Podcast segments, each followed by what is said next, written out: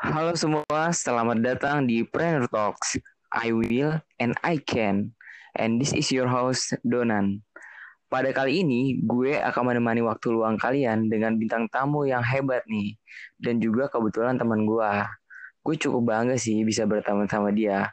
Karena di usianya yang baru lulus SMA, kita nggak usah ngeraguin lagi nih soal kemultitalentannya dia.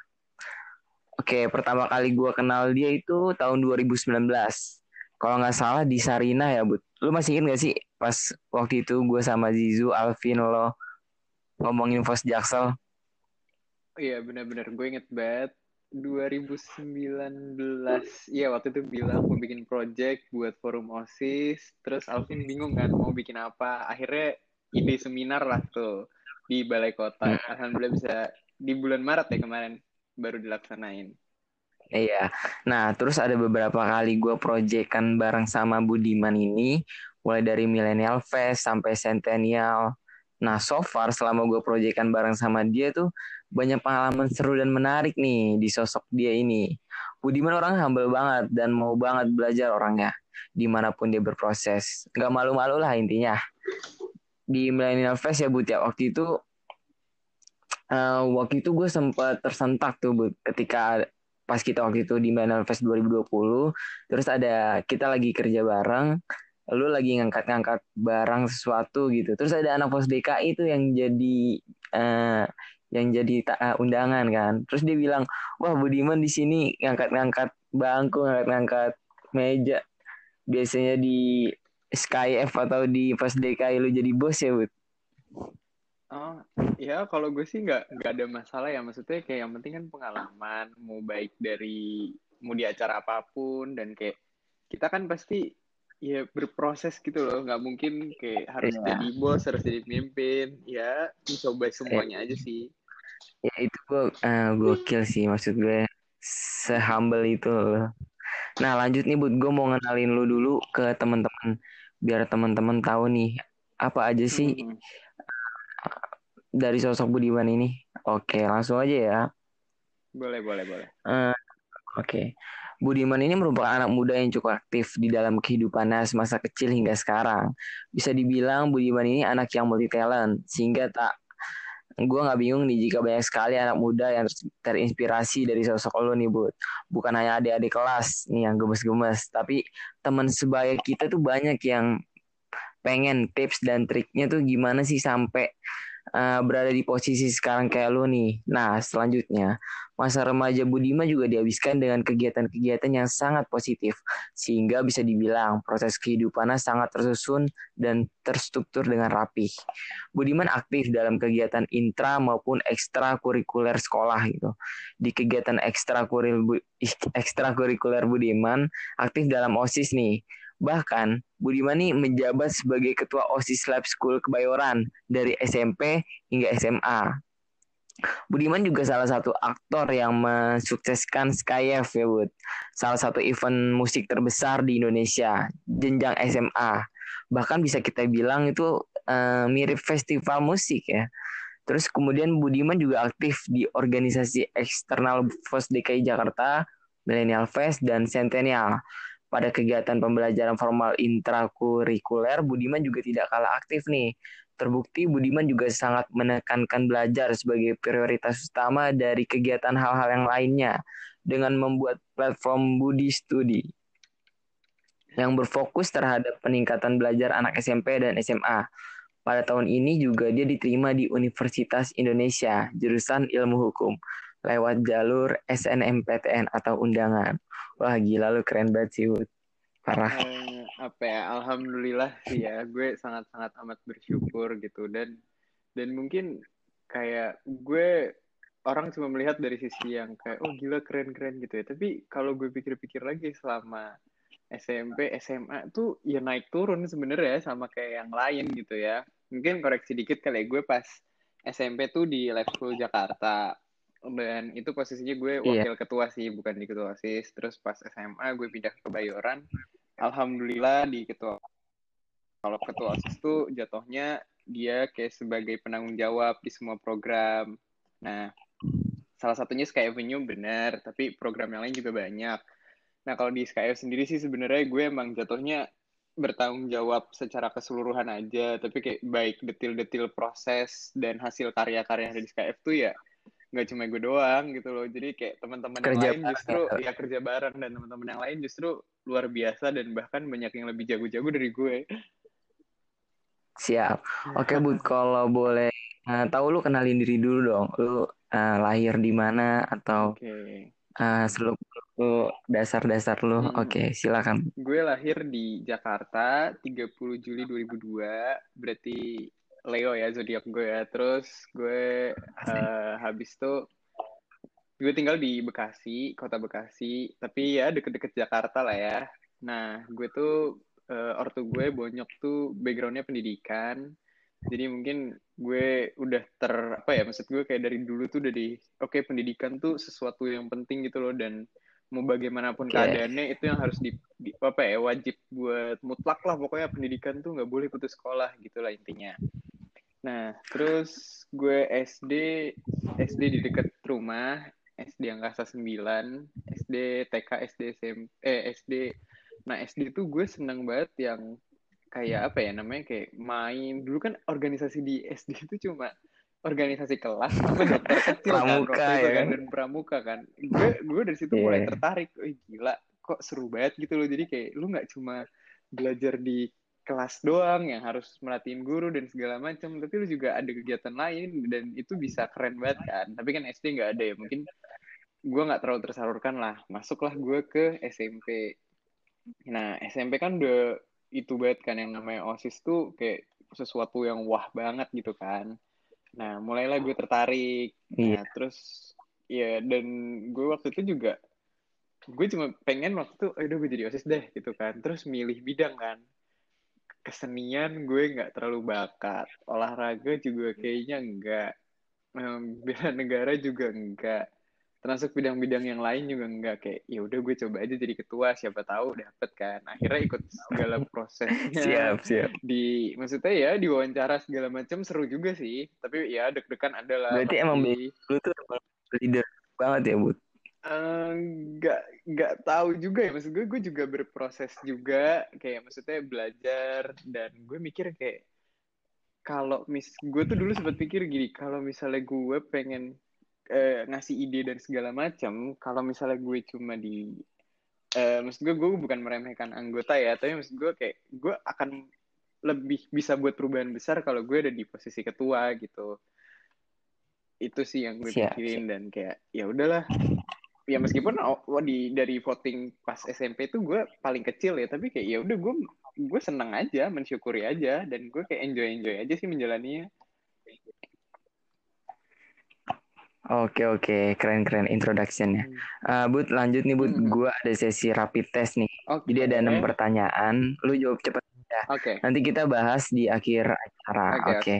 Langsung yang pertama, pos DKI atau osis lab sky? Oke, okay. uh, eh, pos DKI deh. Pos DKI, oke. Okay. Uh, with the face atau sky F? Sky F dong. Oke. UI apa UGM? Waduh. UI, UI. Kalau itu UI. Oke, karena itu kampus lu juga ya? Iya, kampus gue juga. Oke, uh, hukum atau ekonomi? Wow, ini riset lu kuat juga ya. Gue sekarang, oke, okay, gue hukum. Oke, hukum. Hmm. Pengacara atau akademisi? Hmm, hmm, akademisi. Akademisi. Oke, okay, public speaker atau penulis? Terakhir, Bud. Oke, okay, uh, eh, public speaker. Oke, okay. Thank you, thank you. Nah, yang pertama, uh, gue pengen ngulik nih, Bud, dari lo. Hmm. Gue lihat di bio Instagram lo itu ada kata-kata nih, Bud. Ada Ipsa Scientia Potesta S. Hmm. Itu apa Bud kalau boleh tahu artinya? Dan lu jelasin kenapa lu milih itu gitu. Oke. Okay. Gue nyari di Google kan kayak bahasa-bahasa Latin waktu itu kan. Nah, pas gue cari okay. itu sebenarnya artinya knowledge is power. Nah, gue mikir kayak pengetahuan hmm. itu adalah segalanya gitu. Dengan pengetahuan lu bisa bisa ngapa-ngapain aja gitu dan tanpa dan tanpa ada pengetahuan nih lu bisa dibagi-bagiin orang, lu bisa dikerjain orang dan kayak orang tuh mungkin ngelihat oke okay, nih kalau orang datang nih ke suatu tempat lu baru bertemu orang pertama kali nih. Yang pasti image lu pertama ngelihat dari outfitnya dia dong. Outfit, gestur. Oke, okay, benar. Kalau misalnya oh badannya eh apa ya maksud gue kayak oh ini orang keren nih outfitnya keren nah terus setelah itu yang kedua otaknya gimana otaknya kan kalau misalnya udah iya, bener, keren tapi otaknya enggak ya maksud gue otaknya enggak mendukung ya ngapain gitu loh sama aja bohong iya iya gitu. gue sih ngeliatnya itu ya maksud gue kayak oh oke okay, ini pengetahuan yeah. adalah segalanya Iya benar juga sih di zaman hmm. sekarang kan kita kalau bicara tuh harus pakai data ya nggak sih? Iya, dan semak dan sekarang tuh orang semakin kritis kan ya, informasi gampang didapat. Jadi kayak kalau cuma ngomong tanpa ada data ya sama aja bohong. Ngomong kosong aja. Apa sih pepatahnya tuh namanya? Tong kosong nyaring bunyinya ya nah, nah iya bener. Hmm. terus yang ke uh, lanjut nih bud. Kenapa lu milih buat berproses di osis nih? Kan ada orang tuh yang milih untuk belajar aja gitu ya kan. Dia nggak hmm. mau ngabisin waktunya tuh di luar gitu untuk kegiatan-kegiatan yang nggak penting. Mungkin ada sebagian orang yang berpikir tuh OSIS tuh ngebuang-buang waktu, wasting time lah ya kan. Dan okay, okay. Uh, kenapa lu milih berproses di OSIS nih? Hmm. Ada hal apa sih di dalam? Pertama dari dorongan SD kali ya, karena gue yang kayak pengen ngerasain organisasi kan. Terus gue masuklah SMP. Nah di SMP itu uh, bonyok gue nggak terlalu menekankan akademik banget. Pokoknya yang penting lu ngerasakan deh yang namanya organisasi itu kayak apa gitu kan di SMP kan. Dan dia juga jarang mm. jarang yang intervensi. Kayak misalnya uh, lu bikin kegiatan tuh harus gini gini gini enggak dia ngebebasin gue dan dan kayak ngebiarin gue jatuh bangun itu jatuh bangun supaya akhirnya gue gue ngerasain puasnya organisasi gitu lah istilahnya. Nah di iya, organisasi iya, berarti orang tua tuh iya. jadi kayak berarti orang oke okay, oke okay, lanjut. uh, bonyokku itu memberi perhatian tapi dalam arti mensupport gue mau apa kayak bukan bikin anaknya kayak oh anaknya nggak boleh stres nih nggak boleh ngerasain sedih nggak boleh ngedown nggak kayak gitu. Tapi kayak dia lebih ke membiarkan gue memberikan kesempatan gue untuk mencoba ya mencoba dunia lah ya kasarnya gitu kali ya. Nah oh, iya ngasih freedom ke lo tapi lo tuh harus juga punya tanggung jawab ya. Iya di situ lah. Dan di situ gue belajar namanya tanggung jawab kerja keras dan lain sebagainya ya. Nah terus lanjut uh, oke okay, gue masuk SMA kan. Ya pokoknya di SMP tuh yeah. bentar, bentar, SMP tuh gue sangat menikmati banget nama organisasi. Gue gue kenal sama guru sama guru SMP gue tuh ada yang kayak dia bener-bener tektokan mulu sama gue di setiap acara. Dan itu akhirnya kayak ngebentuk oh nih jalan gue nih ngurusin acara nih emang seru banget gitu kan. Masuk SMA nah masuk SMA gue gimana sih kayaknya mungkin rata-rata pengurus OSIS tuh ngerasain juga deh SM yang SMP-nya OSIS. Pas SMA tuh pasti ada rasa-rasa kayak awalnya bilang sih, oh gue SMA nggak mau OSIS lah, gue mau akademik aja lah, mau fokus kuliah. Nah, iya iya. Ternyata bener. nih biasanya kalau udah jeblos organisasi susah keluar ya.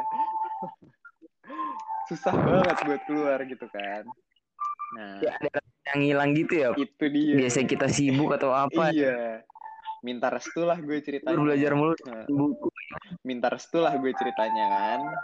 Terus ya udah boleh lah. Tapi intinya karena SMA gue nggak boleh ngilangin eh apa nggak boleh ninggalin pelajaran lah. Istilahnya kayak gitu lah. Nilai gue harus bagus juga gitu. Ya udah gue jalanin. Dan akhirnya ya gini sih. Sebenernya seneng sedih sih. Kalau khususnya untuk posisi ketua ya mungkin ya orang ngeliatnya kayak oh gila ketua tuh enak bisa ngatur bisa apa segala macam relasinya banyak. Tapi sebenarnya gue ngerasain sedihnya tuh di sini nih karena karena ketua lu akhirnya jadi ngeliatnya sendiri kan. Beda sama teman-teman lu yang bikin acara tuh seksi misalnya. Itu kan bersepuluh rame-rame kan kayak seru-seruan kayak ngobrol bisa itu ngerasain nah kalau gue kan akhirnya jadinya bebannya bukan beban capek ya beban mental gue kan dan kayak sendiri gitu kan. Yang mentok-mentok paling sama ketua panitianya kalau enggak mau wakil gue. Itu sih yang gue kayak kerasa banget dan sedihnya ya.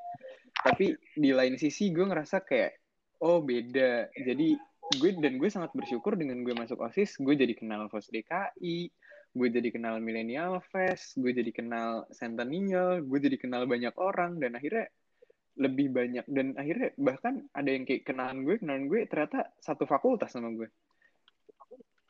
Gitu. oh iya ya benar-benar nggak nyangka ternyata banyak senior ya kan iya. di sana. Hmm. berarti lu nggak nyesel dong? Iya kan? Iya nggak nyesel nggak nyesel sih. Dan pengalaman berharga banget sih. Nah iya sih pastinya. Hmm. nah berarti itu lu ada ini nggak but apa namanya? Eh suatu hal yang ngebuat lu tuh mikir panjang gitu ketika lu mau mutusin di SMA ini lu mau osis apa mau belajar gitu itu lu uh, terbelenggu dulu nggak sih dilema dulu nggak sih Hmm, gue awalnya sempet dilema sih ya. Tapi kayak teman-teman gue bilang, udahlah lu pede aja, bisa kok belajar gitu kan. Terus kayak ya bisa lah nyimbangin gitu. Nah akhirnya gue kayak, oh ya udah oke deh gue nyoba gitu kan.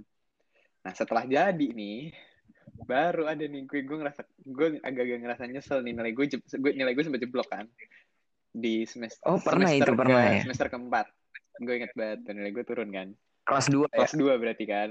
Nah, mulai ya kan gue mikir kan, aduh kenapa gue OSIS dan segala macam. Tapi justru di saat itu teman-teman gue pun malah justru malah ada di situ gitu loh. Jadi kayak OSIS tuh oke nih gue OSIS ninggalin kelas, tapi teman-teman gue yang di kelas pun juga nyatet juga dan juga ngebantuin gue kalau gue nggak tahu gitu loh. Kayak sama sama halnya kayak gue bantuin menyukseskan program kerja OSIS yang which is itu satu angkatan kan, kayak nama satu angkatan, nama sekolah. Tapi di satu sisi kayak gue juga dibantu dalam hal belajar gitu loh. Jadi kayak akhirnya ya saling membantu aja. Gitu sih.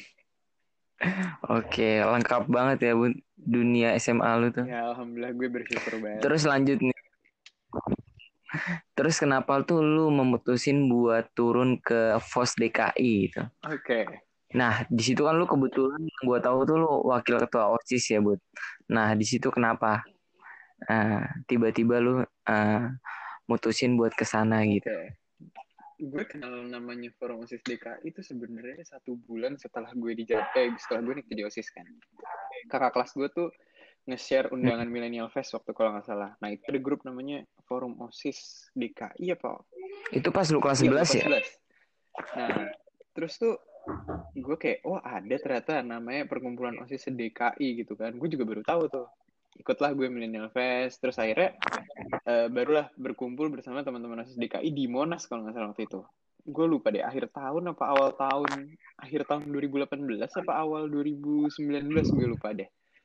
Nah. Iya, iya, benar benar benar. di situ gue bener-bener kayak gue tadinya nggak mau dan kayak ya gue pengen pasif aja tapi kayak lama-lama gue penasaran juga kan kayak apa sih nih gitu kan. Dan masuklah gue kan. Nah tiba-tiba terus ada pemilihan kan ketuanya Alvin kan. Eh sorry ketuanya Yazaki wakilnya Alvin lah. Terus gak lama di bulan-bulan gue sibuk Skyf itu bulan Agustus kalau nggak salah. Juli ke Agustus. Ya Agustus ya. Alvin Hmm. Bud mau nggak eh, naik wakil dia bilang kayak gitu wah terus gue bilang kerjanya ngapain gitu kan nah terus kayak akhirnya gue bilang Iya, Alvin Alvin oke gue bersedia sempet lama sih gue kalau nggak salah satu minggu kalau nggak salah gue baru ngasih jawaban gue bersedia tapi kayak Mm-mm. kasih waktu gue dulu buat SkyF sampai Agustus. Nah, Agustus selesai, oke gue bantu. Eh, gue akan bantu agak intens lah di FOS DKI gitu. Karena apa ya, dari FOS DKI akhirnya gue jadi kenal Millennial Fest, gue jadi kenal banyak orang, dan kayak itu sayang aja gitu loh organisasi ada dan prestis, tapi kalau nggak dikembangin dan nggak ada yang nggak ada yang take attention ke situ, sayang aja. Oke, berarti ah, menurut lu itu penting banget ya buat connection Nah, itu. connection tuh apa ya istilahnya kayak penting lah lu harus kenal satu sama orang eh satu sama orang lain jadi kayak nanti dari situ public speaking lu gampang lu minta tolong apa-apa gampang gitu sih yang penting banget Oke, kalau menurut lu di zaman sekarang tuh sepenting apa buat link itu? hmm Link ketemu Oke. orang-orangnya. link itu juga maksud gue sangat penting ya tapi terlepas dari itu sebenarnya yang penting adalah kemampuan diri kemampuan soft skill dari masing-masing orang sih kayak percuma lu punya link banyak Oke. Terus tapi kalau misalnya lu lu hanya memanfaatkan itu sebatas lu mengambil keuntungan doang, tapi lu nggak memberikan sesuatu dari link itu gitu sih. Dan dan apa ya? Ada Oh. pepatah yang gue percaya banget kayak lu punya koneksi, eh, privilege dan lu bisa memanfaatkan privilege itu dengan baik itu akhirnya jadi bakal sukses tapi kalau lu cuma memanfaatkan Wah, ya, itu kalau lu banget ya. memanfaatkan koneksi doang ya itu namanya lu ya memanfaatkan aja gitu Ini dan ya. dan ya dan yang Iya, terakhir ya kan? kalau lu mampu lu bisa public speaking dan macam-macam tapi kalau nggak punya koneksi sama aja bohong buat apa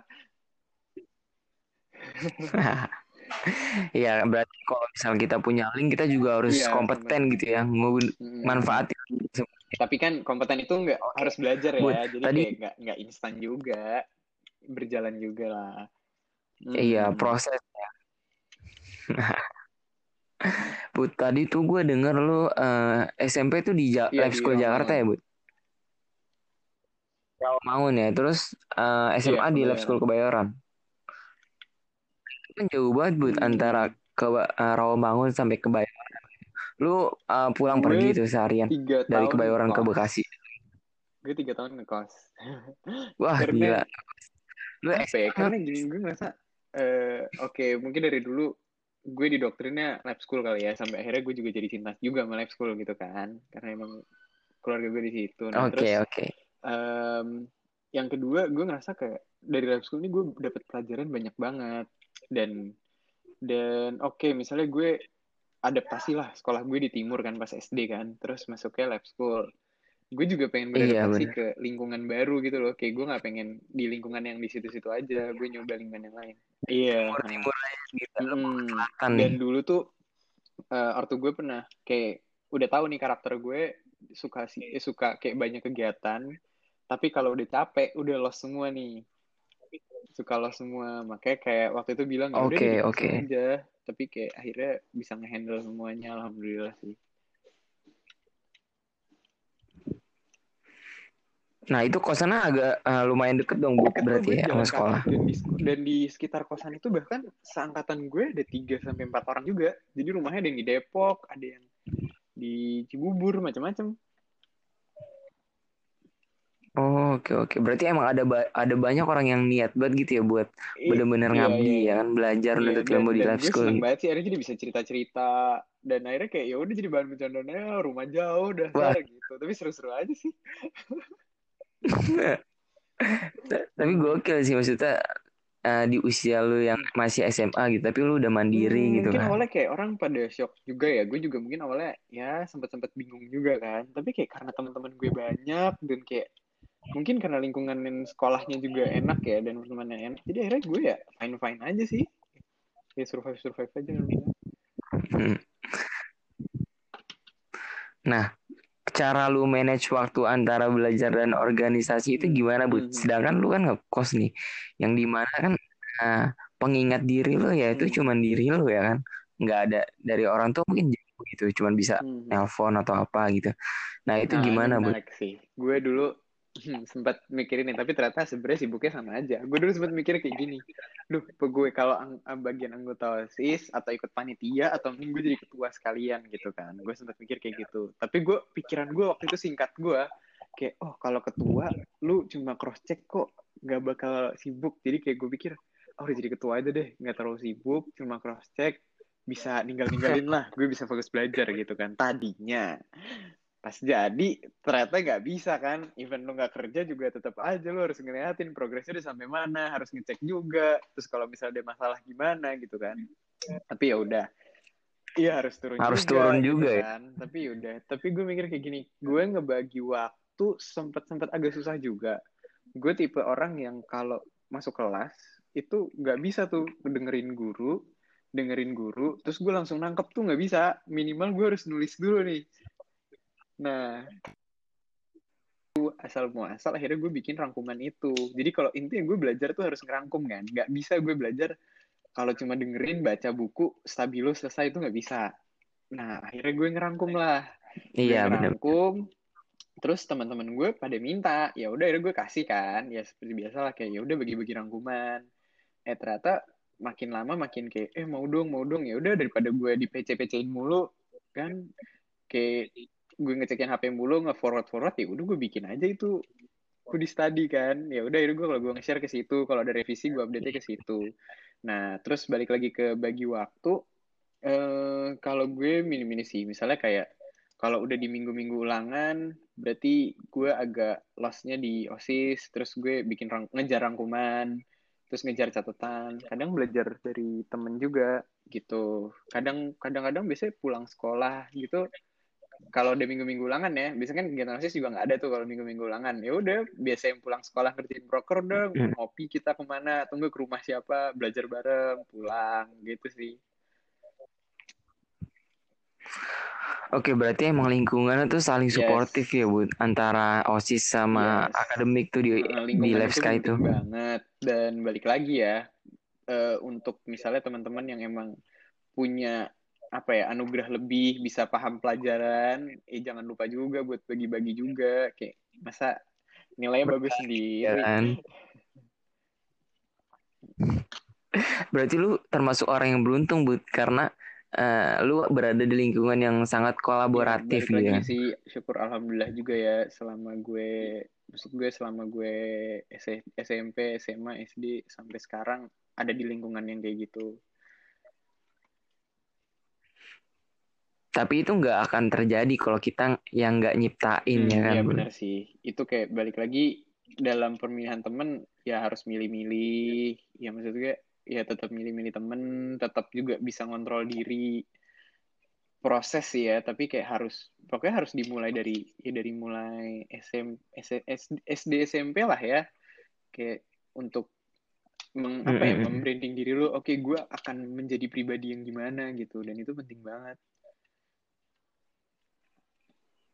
Oke, tapi banyak in- banyak tantangan nggak sih, Bud, di di Lab Sky itu kayak keras nggak sih sebenarnya kan yang orang kita lihat kan di luar tuh Sky itu sekolah orang-orang Hmm. pinter, terus eh, acaranya event-eventnya bagus. Nah, dari segi tongkrongannya tuh atau anak-anaknya sendiri tuh keras nggak sih sebenarnya di Live Sky itu? pertemanan sih sangat humble. Kalau dari gue ya pertemanan humble dan kayak ya udah lu main sama siapa aja ya udah main aja gitu loh. Dan dan sangat menghargai prinsip sih ya yang gue tahu kalau lu nggak mau ya udah nggak usah gitu sih. Oke, Jadi oke. kayak ya balik lagi ke prinsip masing-masing.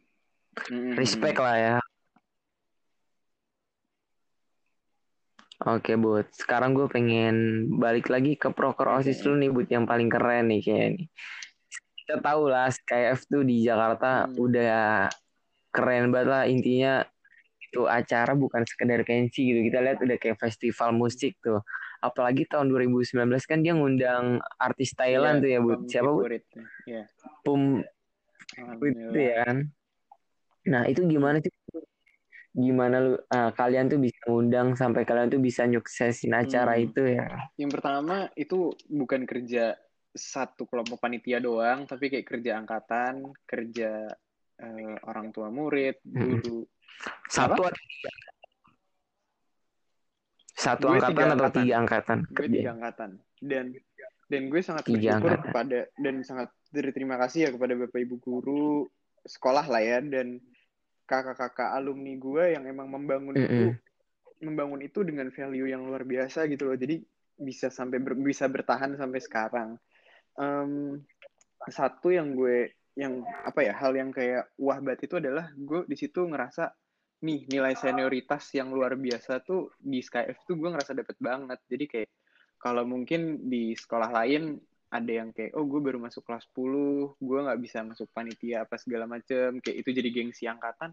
Nah di situ enggak, itu benar-benar dilebur. Jadi SkyF di tahun itu ya megang tiga angkatan itu yang ber- bertanggung jawab gitu. Jadi kayak udah nggak bisa gengsi-gengsi lagi gara-gara udah saling berkaitan. Terus kedua eh, value yang luar biasa adalah itu dipertahankan kayak ya udah murni murni hasil karya siswa-siswi lab school gitu. Jadi bikin SkyF tuh gue nggak bikin desain dari desainnya dari dekorasinya ya itu bikinan anak lab school gitu loh. Jadi kayak emang sengaja dibilang nggak boleh lu nyewa, maksudnya nyewa desainer, nyewa apa segala macam. Ya udah itu harus murni Gila, karya, murni karya anak lab school gitu. Itu sih yang ditekankan banget ya makanya alhamdulillah sampai sekarang ya masih bertahan ya dan gue bersyukur dan Wah. sangat-sangat bersyukur bisa bisa dapat kesempatan buat ngelola acara itu.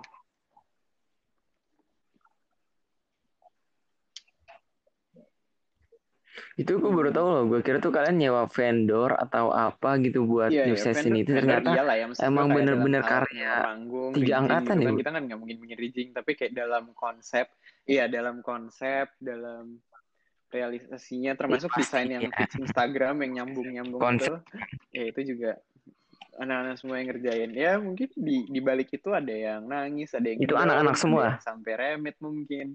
Tapi kayak ya ketika Wih. itu selesai, ketika itu diwujudkan ya alhamdulillah kebayar. Hmm, Kebayar ya? ini sih.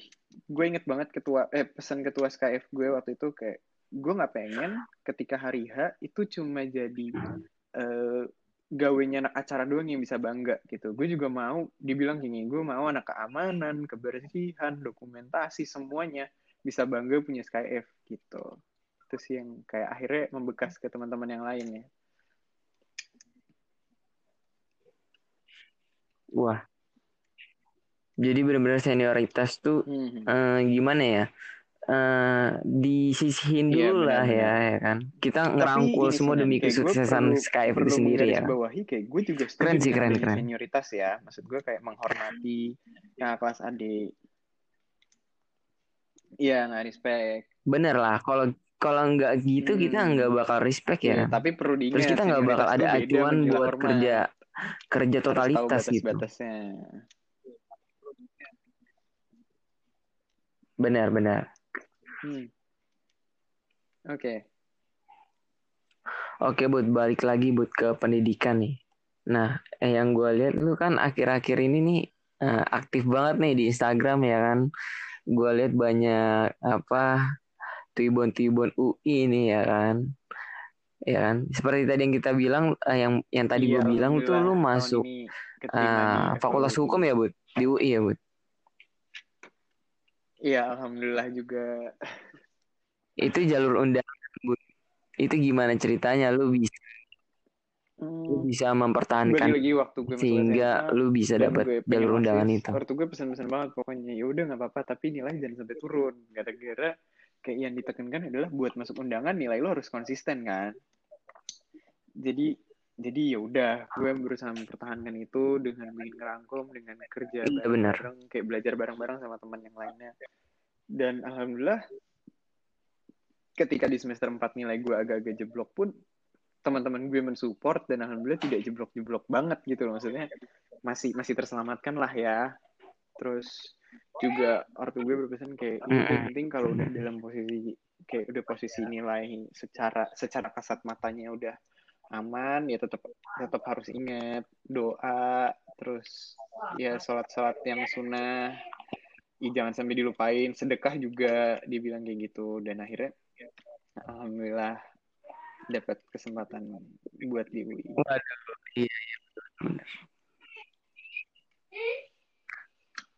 Lu pernah ngerasain gak sih, Bud, the power of banget. ibadah tapi- gitu, kayak ya, sedekah, sholat gitu. Lu pernah ngerasain nggak? segala macam kan akhirnya kayak udah gue sholat terus gue doa ya alhamdulillah kayak bisa tenang lagi dan bisa kewujud juga dan mungkin menurut gue kayak SNMPTN tuh salah satu kekuatan doa yang luar biasa ya kayak di tengah kita tahu eh, zaman pandemi kan kayak satu angkatan kita benar-benar mendapat ujian luar biasa terus isu isunya simpang siur berubah Gua berubah belum lagi Asli gue bingung panik ya kan. ya jadi benar-benar kayak ini semua ini semua UN gak ya kekuatan doa dan dan yang di atas lah ya Tuhan yang Maha Esa. Hmm. Iya bener bener bener. Kayak gue tuh juga nggak jujur gue. Kayak, eh, belum "Aduh, siap banget buat ngadepin UN gitu, gimana," Bud. Iya gak sih? Ya mungkin semua Allah memang dia tahu jalannya masing-masing dan tahu jalan yang terbaik buat kita kali ya.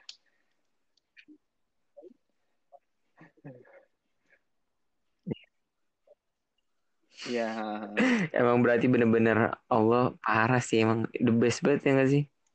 Maksudnya ibaratnya tuh Hmm. apa pun sesibuk kita, sesibuk apa pun kita, misal Hmm. agama apa pun kita gitu, misal kita percaya ada tangan Iya, iya, Tuhan benar. gitu di Dan- dalam dan kalau kehidupan kita gitu ya. Itu bakal bener-bener works banget ya, Bud. nggak akan kejadian gitu. Hmm. Oke, mungkin lo pernah ada suatu kejadian gitu, Bud, Hmm, kayak seperti yang lo enggak tadi bilang enggak tuh, gue Apa gitu, lo eh, pernah nggak? yang kayak gitu yang tadi gue bilang sih kayak dapat kuliah tuh udah menurut gue merupakan salah satu kekuatan Tuhan iya di dan dan oh sama ini satu lagi sih gue yang ngerasa banget keajaiban ya. gue waktu itu selain SkyF tuh ada juga namanya Skylight Musicals kan di SMA gue itu program drama musikal gitu itu dia tet itu drama musikal di Oh, Teater oke. Jakarta Teater. nah itu ya itu di, dilaksanain gue inget banget itu Oke, Hamin Taman Ismail. bumi H plus H plus satunya waktu itu kita mati, mati lampu sejawa Bali Waduh, dan kayak wah gue ngerasa itu kekuatan luar biasa iya bener bener bener bener. Gue masih pas ingat. gue mikirin ketika Seninnya gue masuk sekolah dan kayak semua orang pada ngomongin itu gue kayak wah alhamdulillah ini mujizat luar biasa menurut gue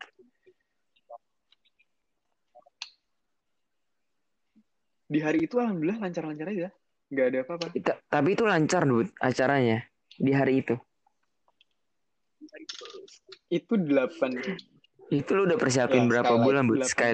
Sky Little Musical dan, ya? dan memang koreonya itu Skylight karya ya? teman-teman dan latihannya sampai malam kayak siang eh pulang sekolah sampai jam 8 lah sampai ya sampai ya kita nyiapin segala macam termasuk dapat tempatnya pun juga susah setengah mati kan tapi alhamdulillah sih alhamdulillah itu bisa lancar alhamdulillah banget iya dibuka untuk umum Itu dibuka untuk umum gak sih, Bud? Skylight Hmm. tuh? Hmm, Karena tapi itu jarang banget loh ya sekolah yang sih, ngadain sekolah tuh apa ya sekolah teater ya kan? masing-masing kan Itu jarang banget. salah satunya itu juga bisa teater Mm-mm. Nah, lu pernah gak sih, Bud, ngerasa minder atau nggak pede atau titik terendah di kehidupan lu gitu? Lu pernah nggak? gue pernah Dan lu gi- cara sampai sekarang pun masih gimana jujur cara lu ya. buat eh, keluar dari SMA zona itu? dari SMA pun gue ngeliat kayak gila teman-teman gue bisa ikut lomba bisa ikut macem-macem Waduh. sementara kayak masa gue masih berkutat urusan osis osis osis gitu kan gue sempet mikir kayak gitu kan tapi ya udahlah ternyata gue ter eh maksud gue ada jalan lain lah yaitu millennial fest gue bisa Iya, kenal teman-teman yang lain dan lain sebagainya. Nah terus terutama gue ngerasakan pas kuliah ini sih pas kuliah ini karena karena apa ya kayak FHUI gitu kan. Maksud gue kayak orang-orang masuk ke situ terus gue mulai kayak oh ada temen gue yang OSN ada temen gue yang dulu aktif di Twitter ada temen gue yang pinter banget gitu. Ada yang kayak public speakingnya bagus gitu. Ada yang selebgram juga. Gue gue insecure parah tuh kan. Kayak di mana? Selebgram. tapi balik lagi semua orang punya kemampuan masing-masing dan semua orang punya jalannya masing-masing. Tinggal lu memanfaatin itu apa enggak. Dan gue pernah inget banget jadi senior gue pernah bilang pas lagi ospek ya kayak di sini tuh tempatnya orang di sini tuh emang tempatnya orang insecure karena di sini banyak orang punya orang banyak orang punya kualitas eh, kualitas macam-macam. Tapi ya tinggal lu mengontrol diri lu untuk apa ya karena karena Allah tuh ngasih anugerah ke orang tuh beda-beda gitu. Ada yang jago nyanyi ada yang jago musik ada yang jago pemimpinan dan macam-macam. Dan kayak harusnya lu nggak iri kepada orang lain tapi ya lu manfaatkan apa yang udah lu punya. Even itu susah ya dan by proses ya pastinya ya kuncinya sih bersyukur dan dan memanfaatkan Oke, apa yang berarti di- kuncinya yang bersyukur ya, Bu. lah ya Hmm. Iya, oke, oke. Bud, ini sesi terakhir nih, Bud. Kita mau ngebahas pertanyaan lu yang tadi nih. Yang rapid test tadi. Oke, bukan gue Oke, dari yang pertama, FOS DKI, OSIS Lab gitu Sky, lu kenapa milih FOS DKI, karena Bu? gue tahu Alasannya. eh, OSIS Lab Sky itu sudah apa ya tatanannya udah dibangun Iya, sama sama bapak ibu guru sama senior senior gue sejak lama dan teman-teman gue juga. Jadi gue merasa kayak gue masuk ke situ sudah ada value-value yang dipertahankan sehingga program yang ada sampai sekarang pun masih masih eksis sampai sekarang itu kenapa gue milih FOS DKI karena ini barang baru atau mungkin sebenarnya udah lama tapi kayak memang belum Berarti soal effort ya? ada yang serius gitu kan dan kayak ketika gue diajak sama Alvin buat bangun ini pun kayak gue setuju karena ngebangun dari awal tuh penuh Iya. tantangan dan emang seru gitu loh dan ketika hasilnya ada even itu berapa tahun setelah ini ya gitu ya kayak lo kan merasa luar biasa gitu loh priceless banget gitu loh kayak lo salah satu orang yang membangun DKI itu yes ya soal effort Founding ya kan. Mhm. Iya usaha kita sama-sama Berarti ini soal effort ya, Bu. Usaha lu ya kan. Usaha kita gitu. Nah, yang kedua Jelas. Oke, satu kan Skyf nih. berpartisipasi Kenapa lu milih. Sky? Jelas ya. banyak value-value dari SkyF, baik originalitas, baik kayak value yang kayak mempertahankan dan lain sebagainya. Itu yang akhirnya gue kepake sampai sekarang dalam gue menjalankan program-program gue gitu loh, baik di Force DKI maupun di FH. Ya kayak originalitas, kreativitas, kemampuan anak, dan kayak memaksimalkan potensi. Itu bener-bener value yang yang luar biasa gitu. Lagi bener-bener SKF.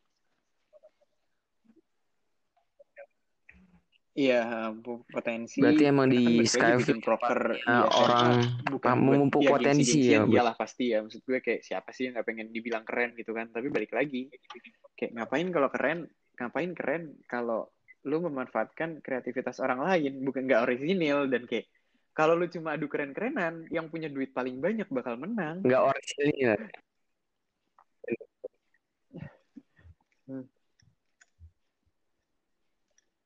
Hmm. Iyalah bener-bener. bener. ah gue sempet But bimbang yang ketiga gue nih. sempet bimbang UI apa UGM lu milih UI? karena dua fakultas Kenapa nih? fakultas yang luar Ada apa nih di UGM? gue. Em, mungkin UI karena memang karena gue Oke, Bu, kita lanjut lagi nih. Tadi ah, UI, UGM, kenapa lu milih UI nih? Dan ada apa di UGM? gue sempet bimbang dua-duanya mau kuliah di mana dua-duanya punya potensi dan emang fakultas-fakultas yang emang keren gitu kan tapi kayak gue ngerasa gue lebih bisa fit in di di UI bukan bukan karena UGM tapi kayak gue ngerasa karena emang lingkungannya deket dari gue dan banyak teman-teman gue yang ke sana dan pertemanan gue mungkin juga arahnya ke UI jadi gue memilih UI sih.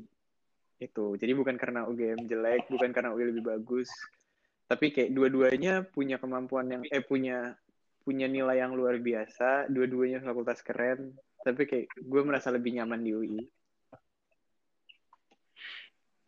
Nah, faktor lokasi termasuk nggak sih, Bu? Kayak Jakarta tuh accessible banget. Eh, faktor lokasi iya termasuk dan kayak eh, di sini kan juga ada termasuk pusat pemerintahan gitu kan tapi kayak gue ngerasa Jogja itu kan merupakan salah satu tempat yang buat gue refreshing ya terus gue sempat mikir juga Mm-mm. gue gak tau gue cinta banget sama Jogja dan gue bingung kalau misalnya gue emang kuliah di sana dan tinggal di sana gue refreshing ke mana lagi Iya, iya, bener-bener. Hmm. Berarti pilihan yang sulit dong itu. sempet satu sampai dua bulan gue mikir termasuk juga ada faktor keluarga juga kayak gue punya adik dan lain sebagainya sih kayak makanya gue kayak di UI aja Nah, hukum apa ekonomi? Lu kenapa milih hukum, Bu? oke gue ceritanya dulu gue sangat ingin masuk eh, FEB akuntansi especially gara-gara gue suka Iya. ngitung uang dan lain sebagainya Iya tapi Wow. gue inget banget pas zaman osis gue mulai mengenal yang namanya MOU kan nah di Hmm. situ tuh gue di kayak mulai lah tuh di kompor-komporin kan kayak oh hukum seru loh gini loh gitu segala macam kan. Akhirnya gue gabung Millennial Fest terus kayak banyak. Terus gue juga suka nonton Mata Najwa Yelvi dan lain sebagainya kayak emang ahli-ahli hukum kok seru gitu ya dan dan lingkupnya banyak kan dan kayak oh public speaking oke banget nih gitu kan. Terus kayak ya udahlah akhirnya gue lebih ke hukum karena hukum kan akhirnya juga belajar semuanya juga kan Iya sih benar. Kita ngomongin bisnis juga kan di sana. Bisnis juga semua semuanya diomongin dan kayak kayak akhirnya ya udahlah memang emang emang cocok kayaknya gue di sini gitu. dan sampai sekarang gue sangat amat bersyukur sih gue di FH Oke oke. Lanjut nih Bud. Hmm. Ke pertanyaan kelima pengacara atau akademisi. Kenapa lo milih akademisi di sini? Oke, Eh, gue masuk hukum, gue belum, gue bukan, ya maksud gue, gue sampai sekarang belum tertarik untuk jadi pengacara. Jujur gue masih bingung, gue mau akan, Oke. akan jadi apa. Tapi eh, apa ya, kayak gue masuk hukum tuh karena gue suka, gue karena hukum akan membangun pola pikir gue kan, karena hukum akan membangun pola pikir gue.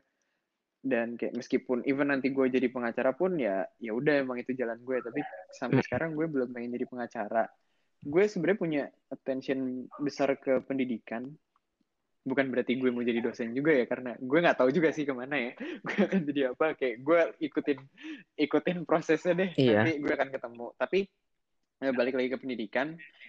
Gue ngerasa kayak balik lagi ke bio Instagram gue tadi kayak kalau Indonesia mau maju kalau masyarakat mau maju ya satu-satunya jalan lewat pendidikan dulu gitu. Jadi kayak ya jadi mungkin di masa depan kalau gue udah amin gitu ya kayak udah Knowledge ya kehidupan kan. gue mencukupi duit gue lebih dan segala macam mungkin gue akan bangun pensiun terus bangun sekolah kayaknya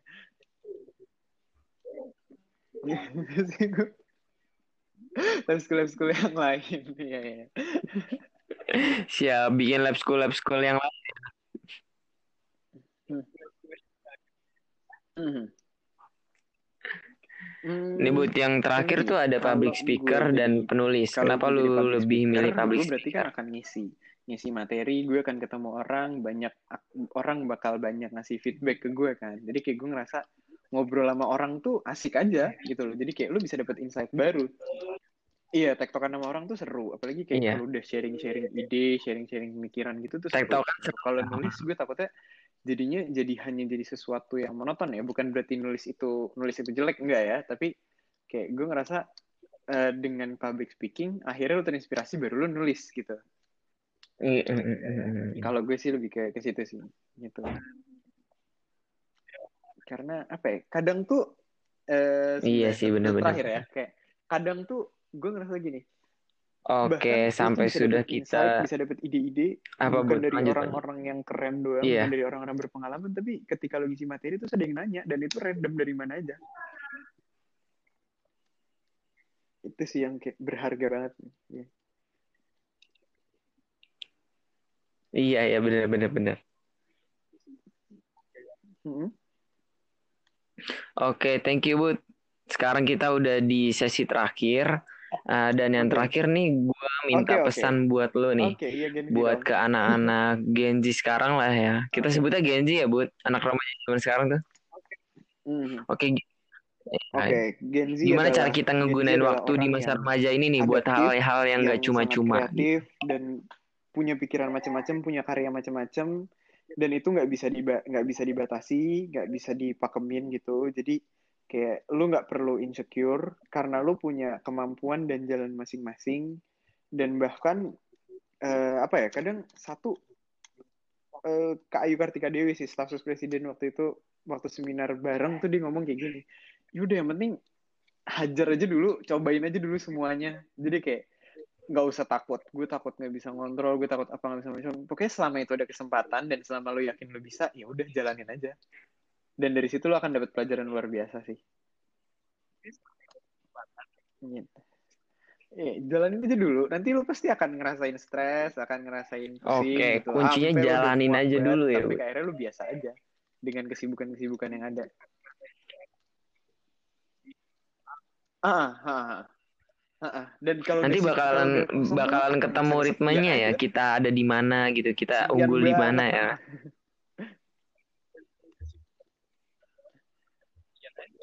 Iya sih benar. Apa tuh? Oke, tapi gue pengen gue Aman masih penasaran nih. Bud.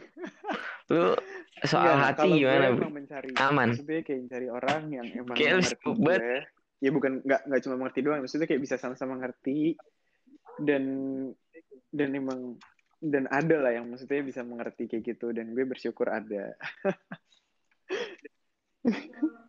Alhamdulillah aman. Jadi kalau kerja jangan lupa kalau udah sibuk Asik, aman ya berarti. Ini pepatah yang gue dapat di UI ya dibilang gini eh, Ini kata jarang. siapa ya gue lupa kalau nggak salah eh, dibilang kayak gini pokoknya kalau mahasiswa itu harus punya tiga buku pesta sama cinta Siapa? buku tuh akademik Apa? pesta tuh ya harus seru-seruan juga lah sosialisasi cinta juga jangan lupa gitu jadi seimbang lah ya seimbang seimbang Itu agree. Gue eh, agree banget sih sama itu sih. Iya Hmm. sih. Ya, kita kita udah sibuk banget, udah pusing banget di akademik, di Iya. organisasi. Masa tapi jadi ingat kita tapi gini-gini aja juga, gitu, nggak ada penghibur ya. jangan sampai toxic Hidup juga dunia ini juga hmm. bener bener bener. oke udah Oke, eh, Bud, udah support itu aja ya, dan Bud ya. Atau ada lagi mau ada yang mau lu tambahin atau udah apa? ngundang gue di di buat ngajak ngobrol ini di di Trainer Talk ya. Thank you banget dong. Aduh. Siap di Planner Talks. Oke, siap. Eh, sempat Gue ada yang thank nih, lu udah datang, udah ya, udah harusnya jam luang-luangin satu. waktu ya kan. Mana tadi di Bekasi mati lampu ya kan. Seru-seru. Udah aman sih sekarang, alhamdulillah. Udah normal lagi. Parah, parah. Tapi udah aman, Bud, Bekasi. Eh, badai tapi alhamdulillah bukan di daerah gue. Oke, oke. masih Kemarin katanya ya, badai ya, bener gak sih? Aduh ya, selama ini Bukan di daerah lo ya. Oke, ngampus aman, Bud. Gede lah, gila kangen gue ketemu, pengen ketemu teman-teman yang lain juga. Bete gak sih? Gede gak sih lu? Ya mudah-mudahan cepet selesai lah ya. Pandemi ini segera berakhir. Amin, amin. Amin, amin. Oke, thank you juga Nan. Amin, amin. Ya udah, Bud, itu aja ya, Bud. Thank you ya, Bud.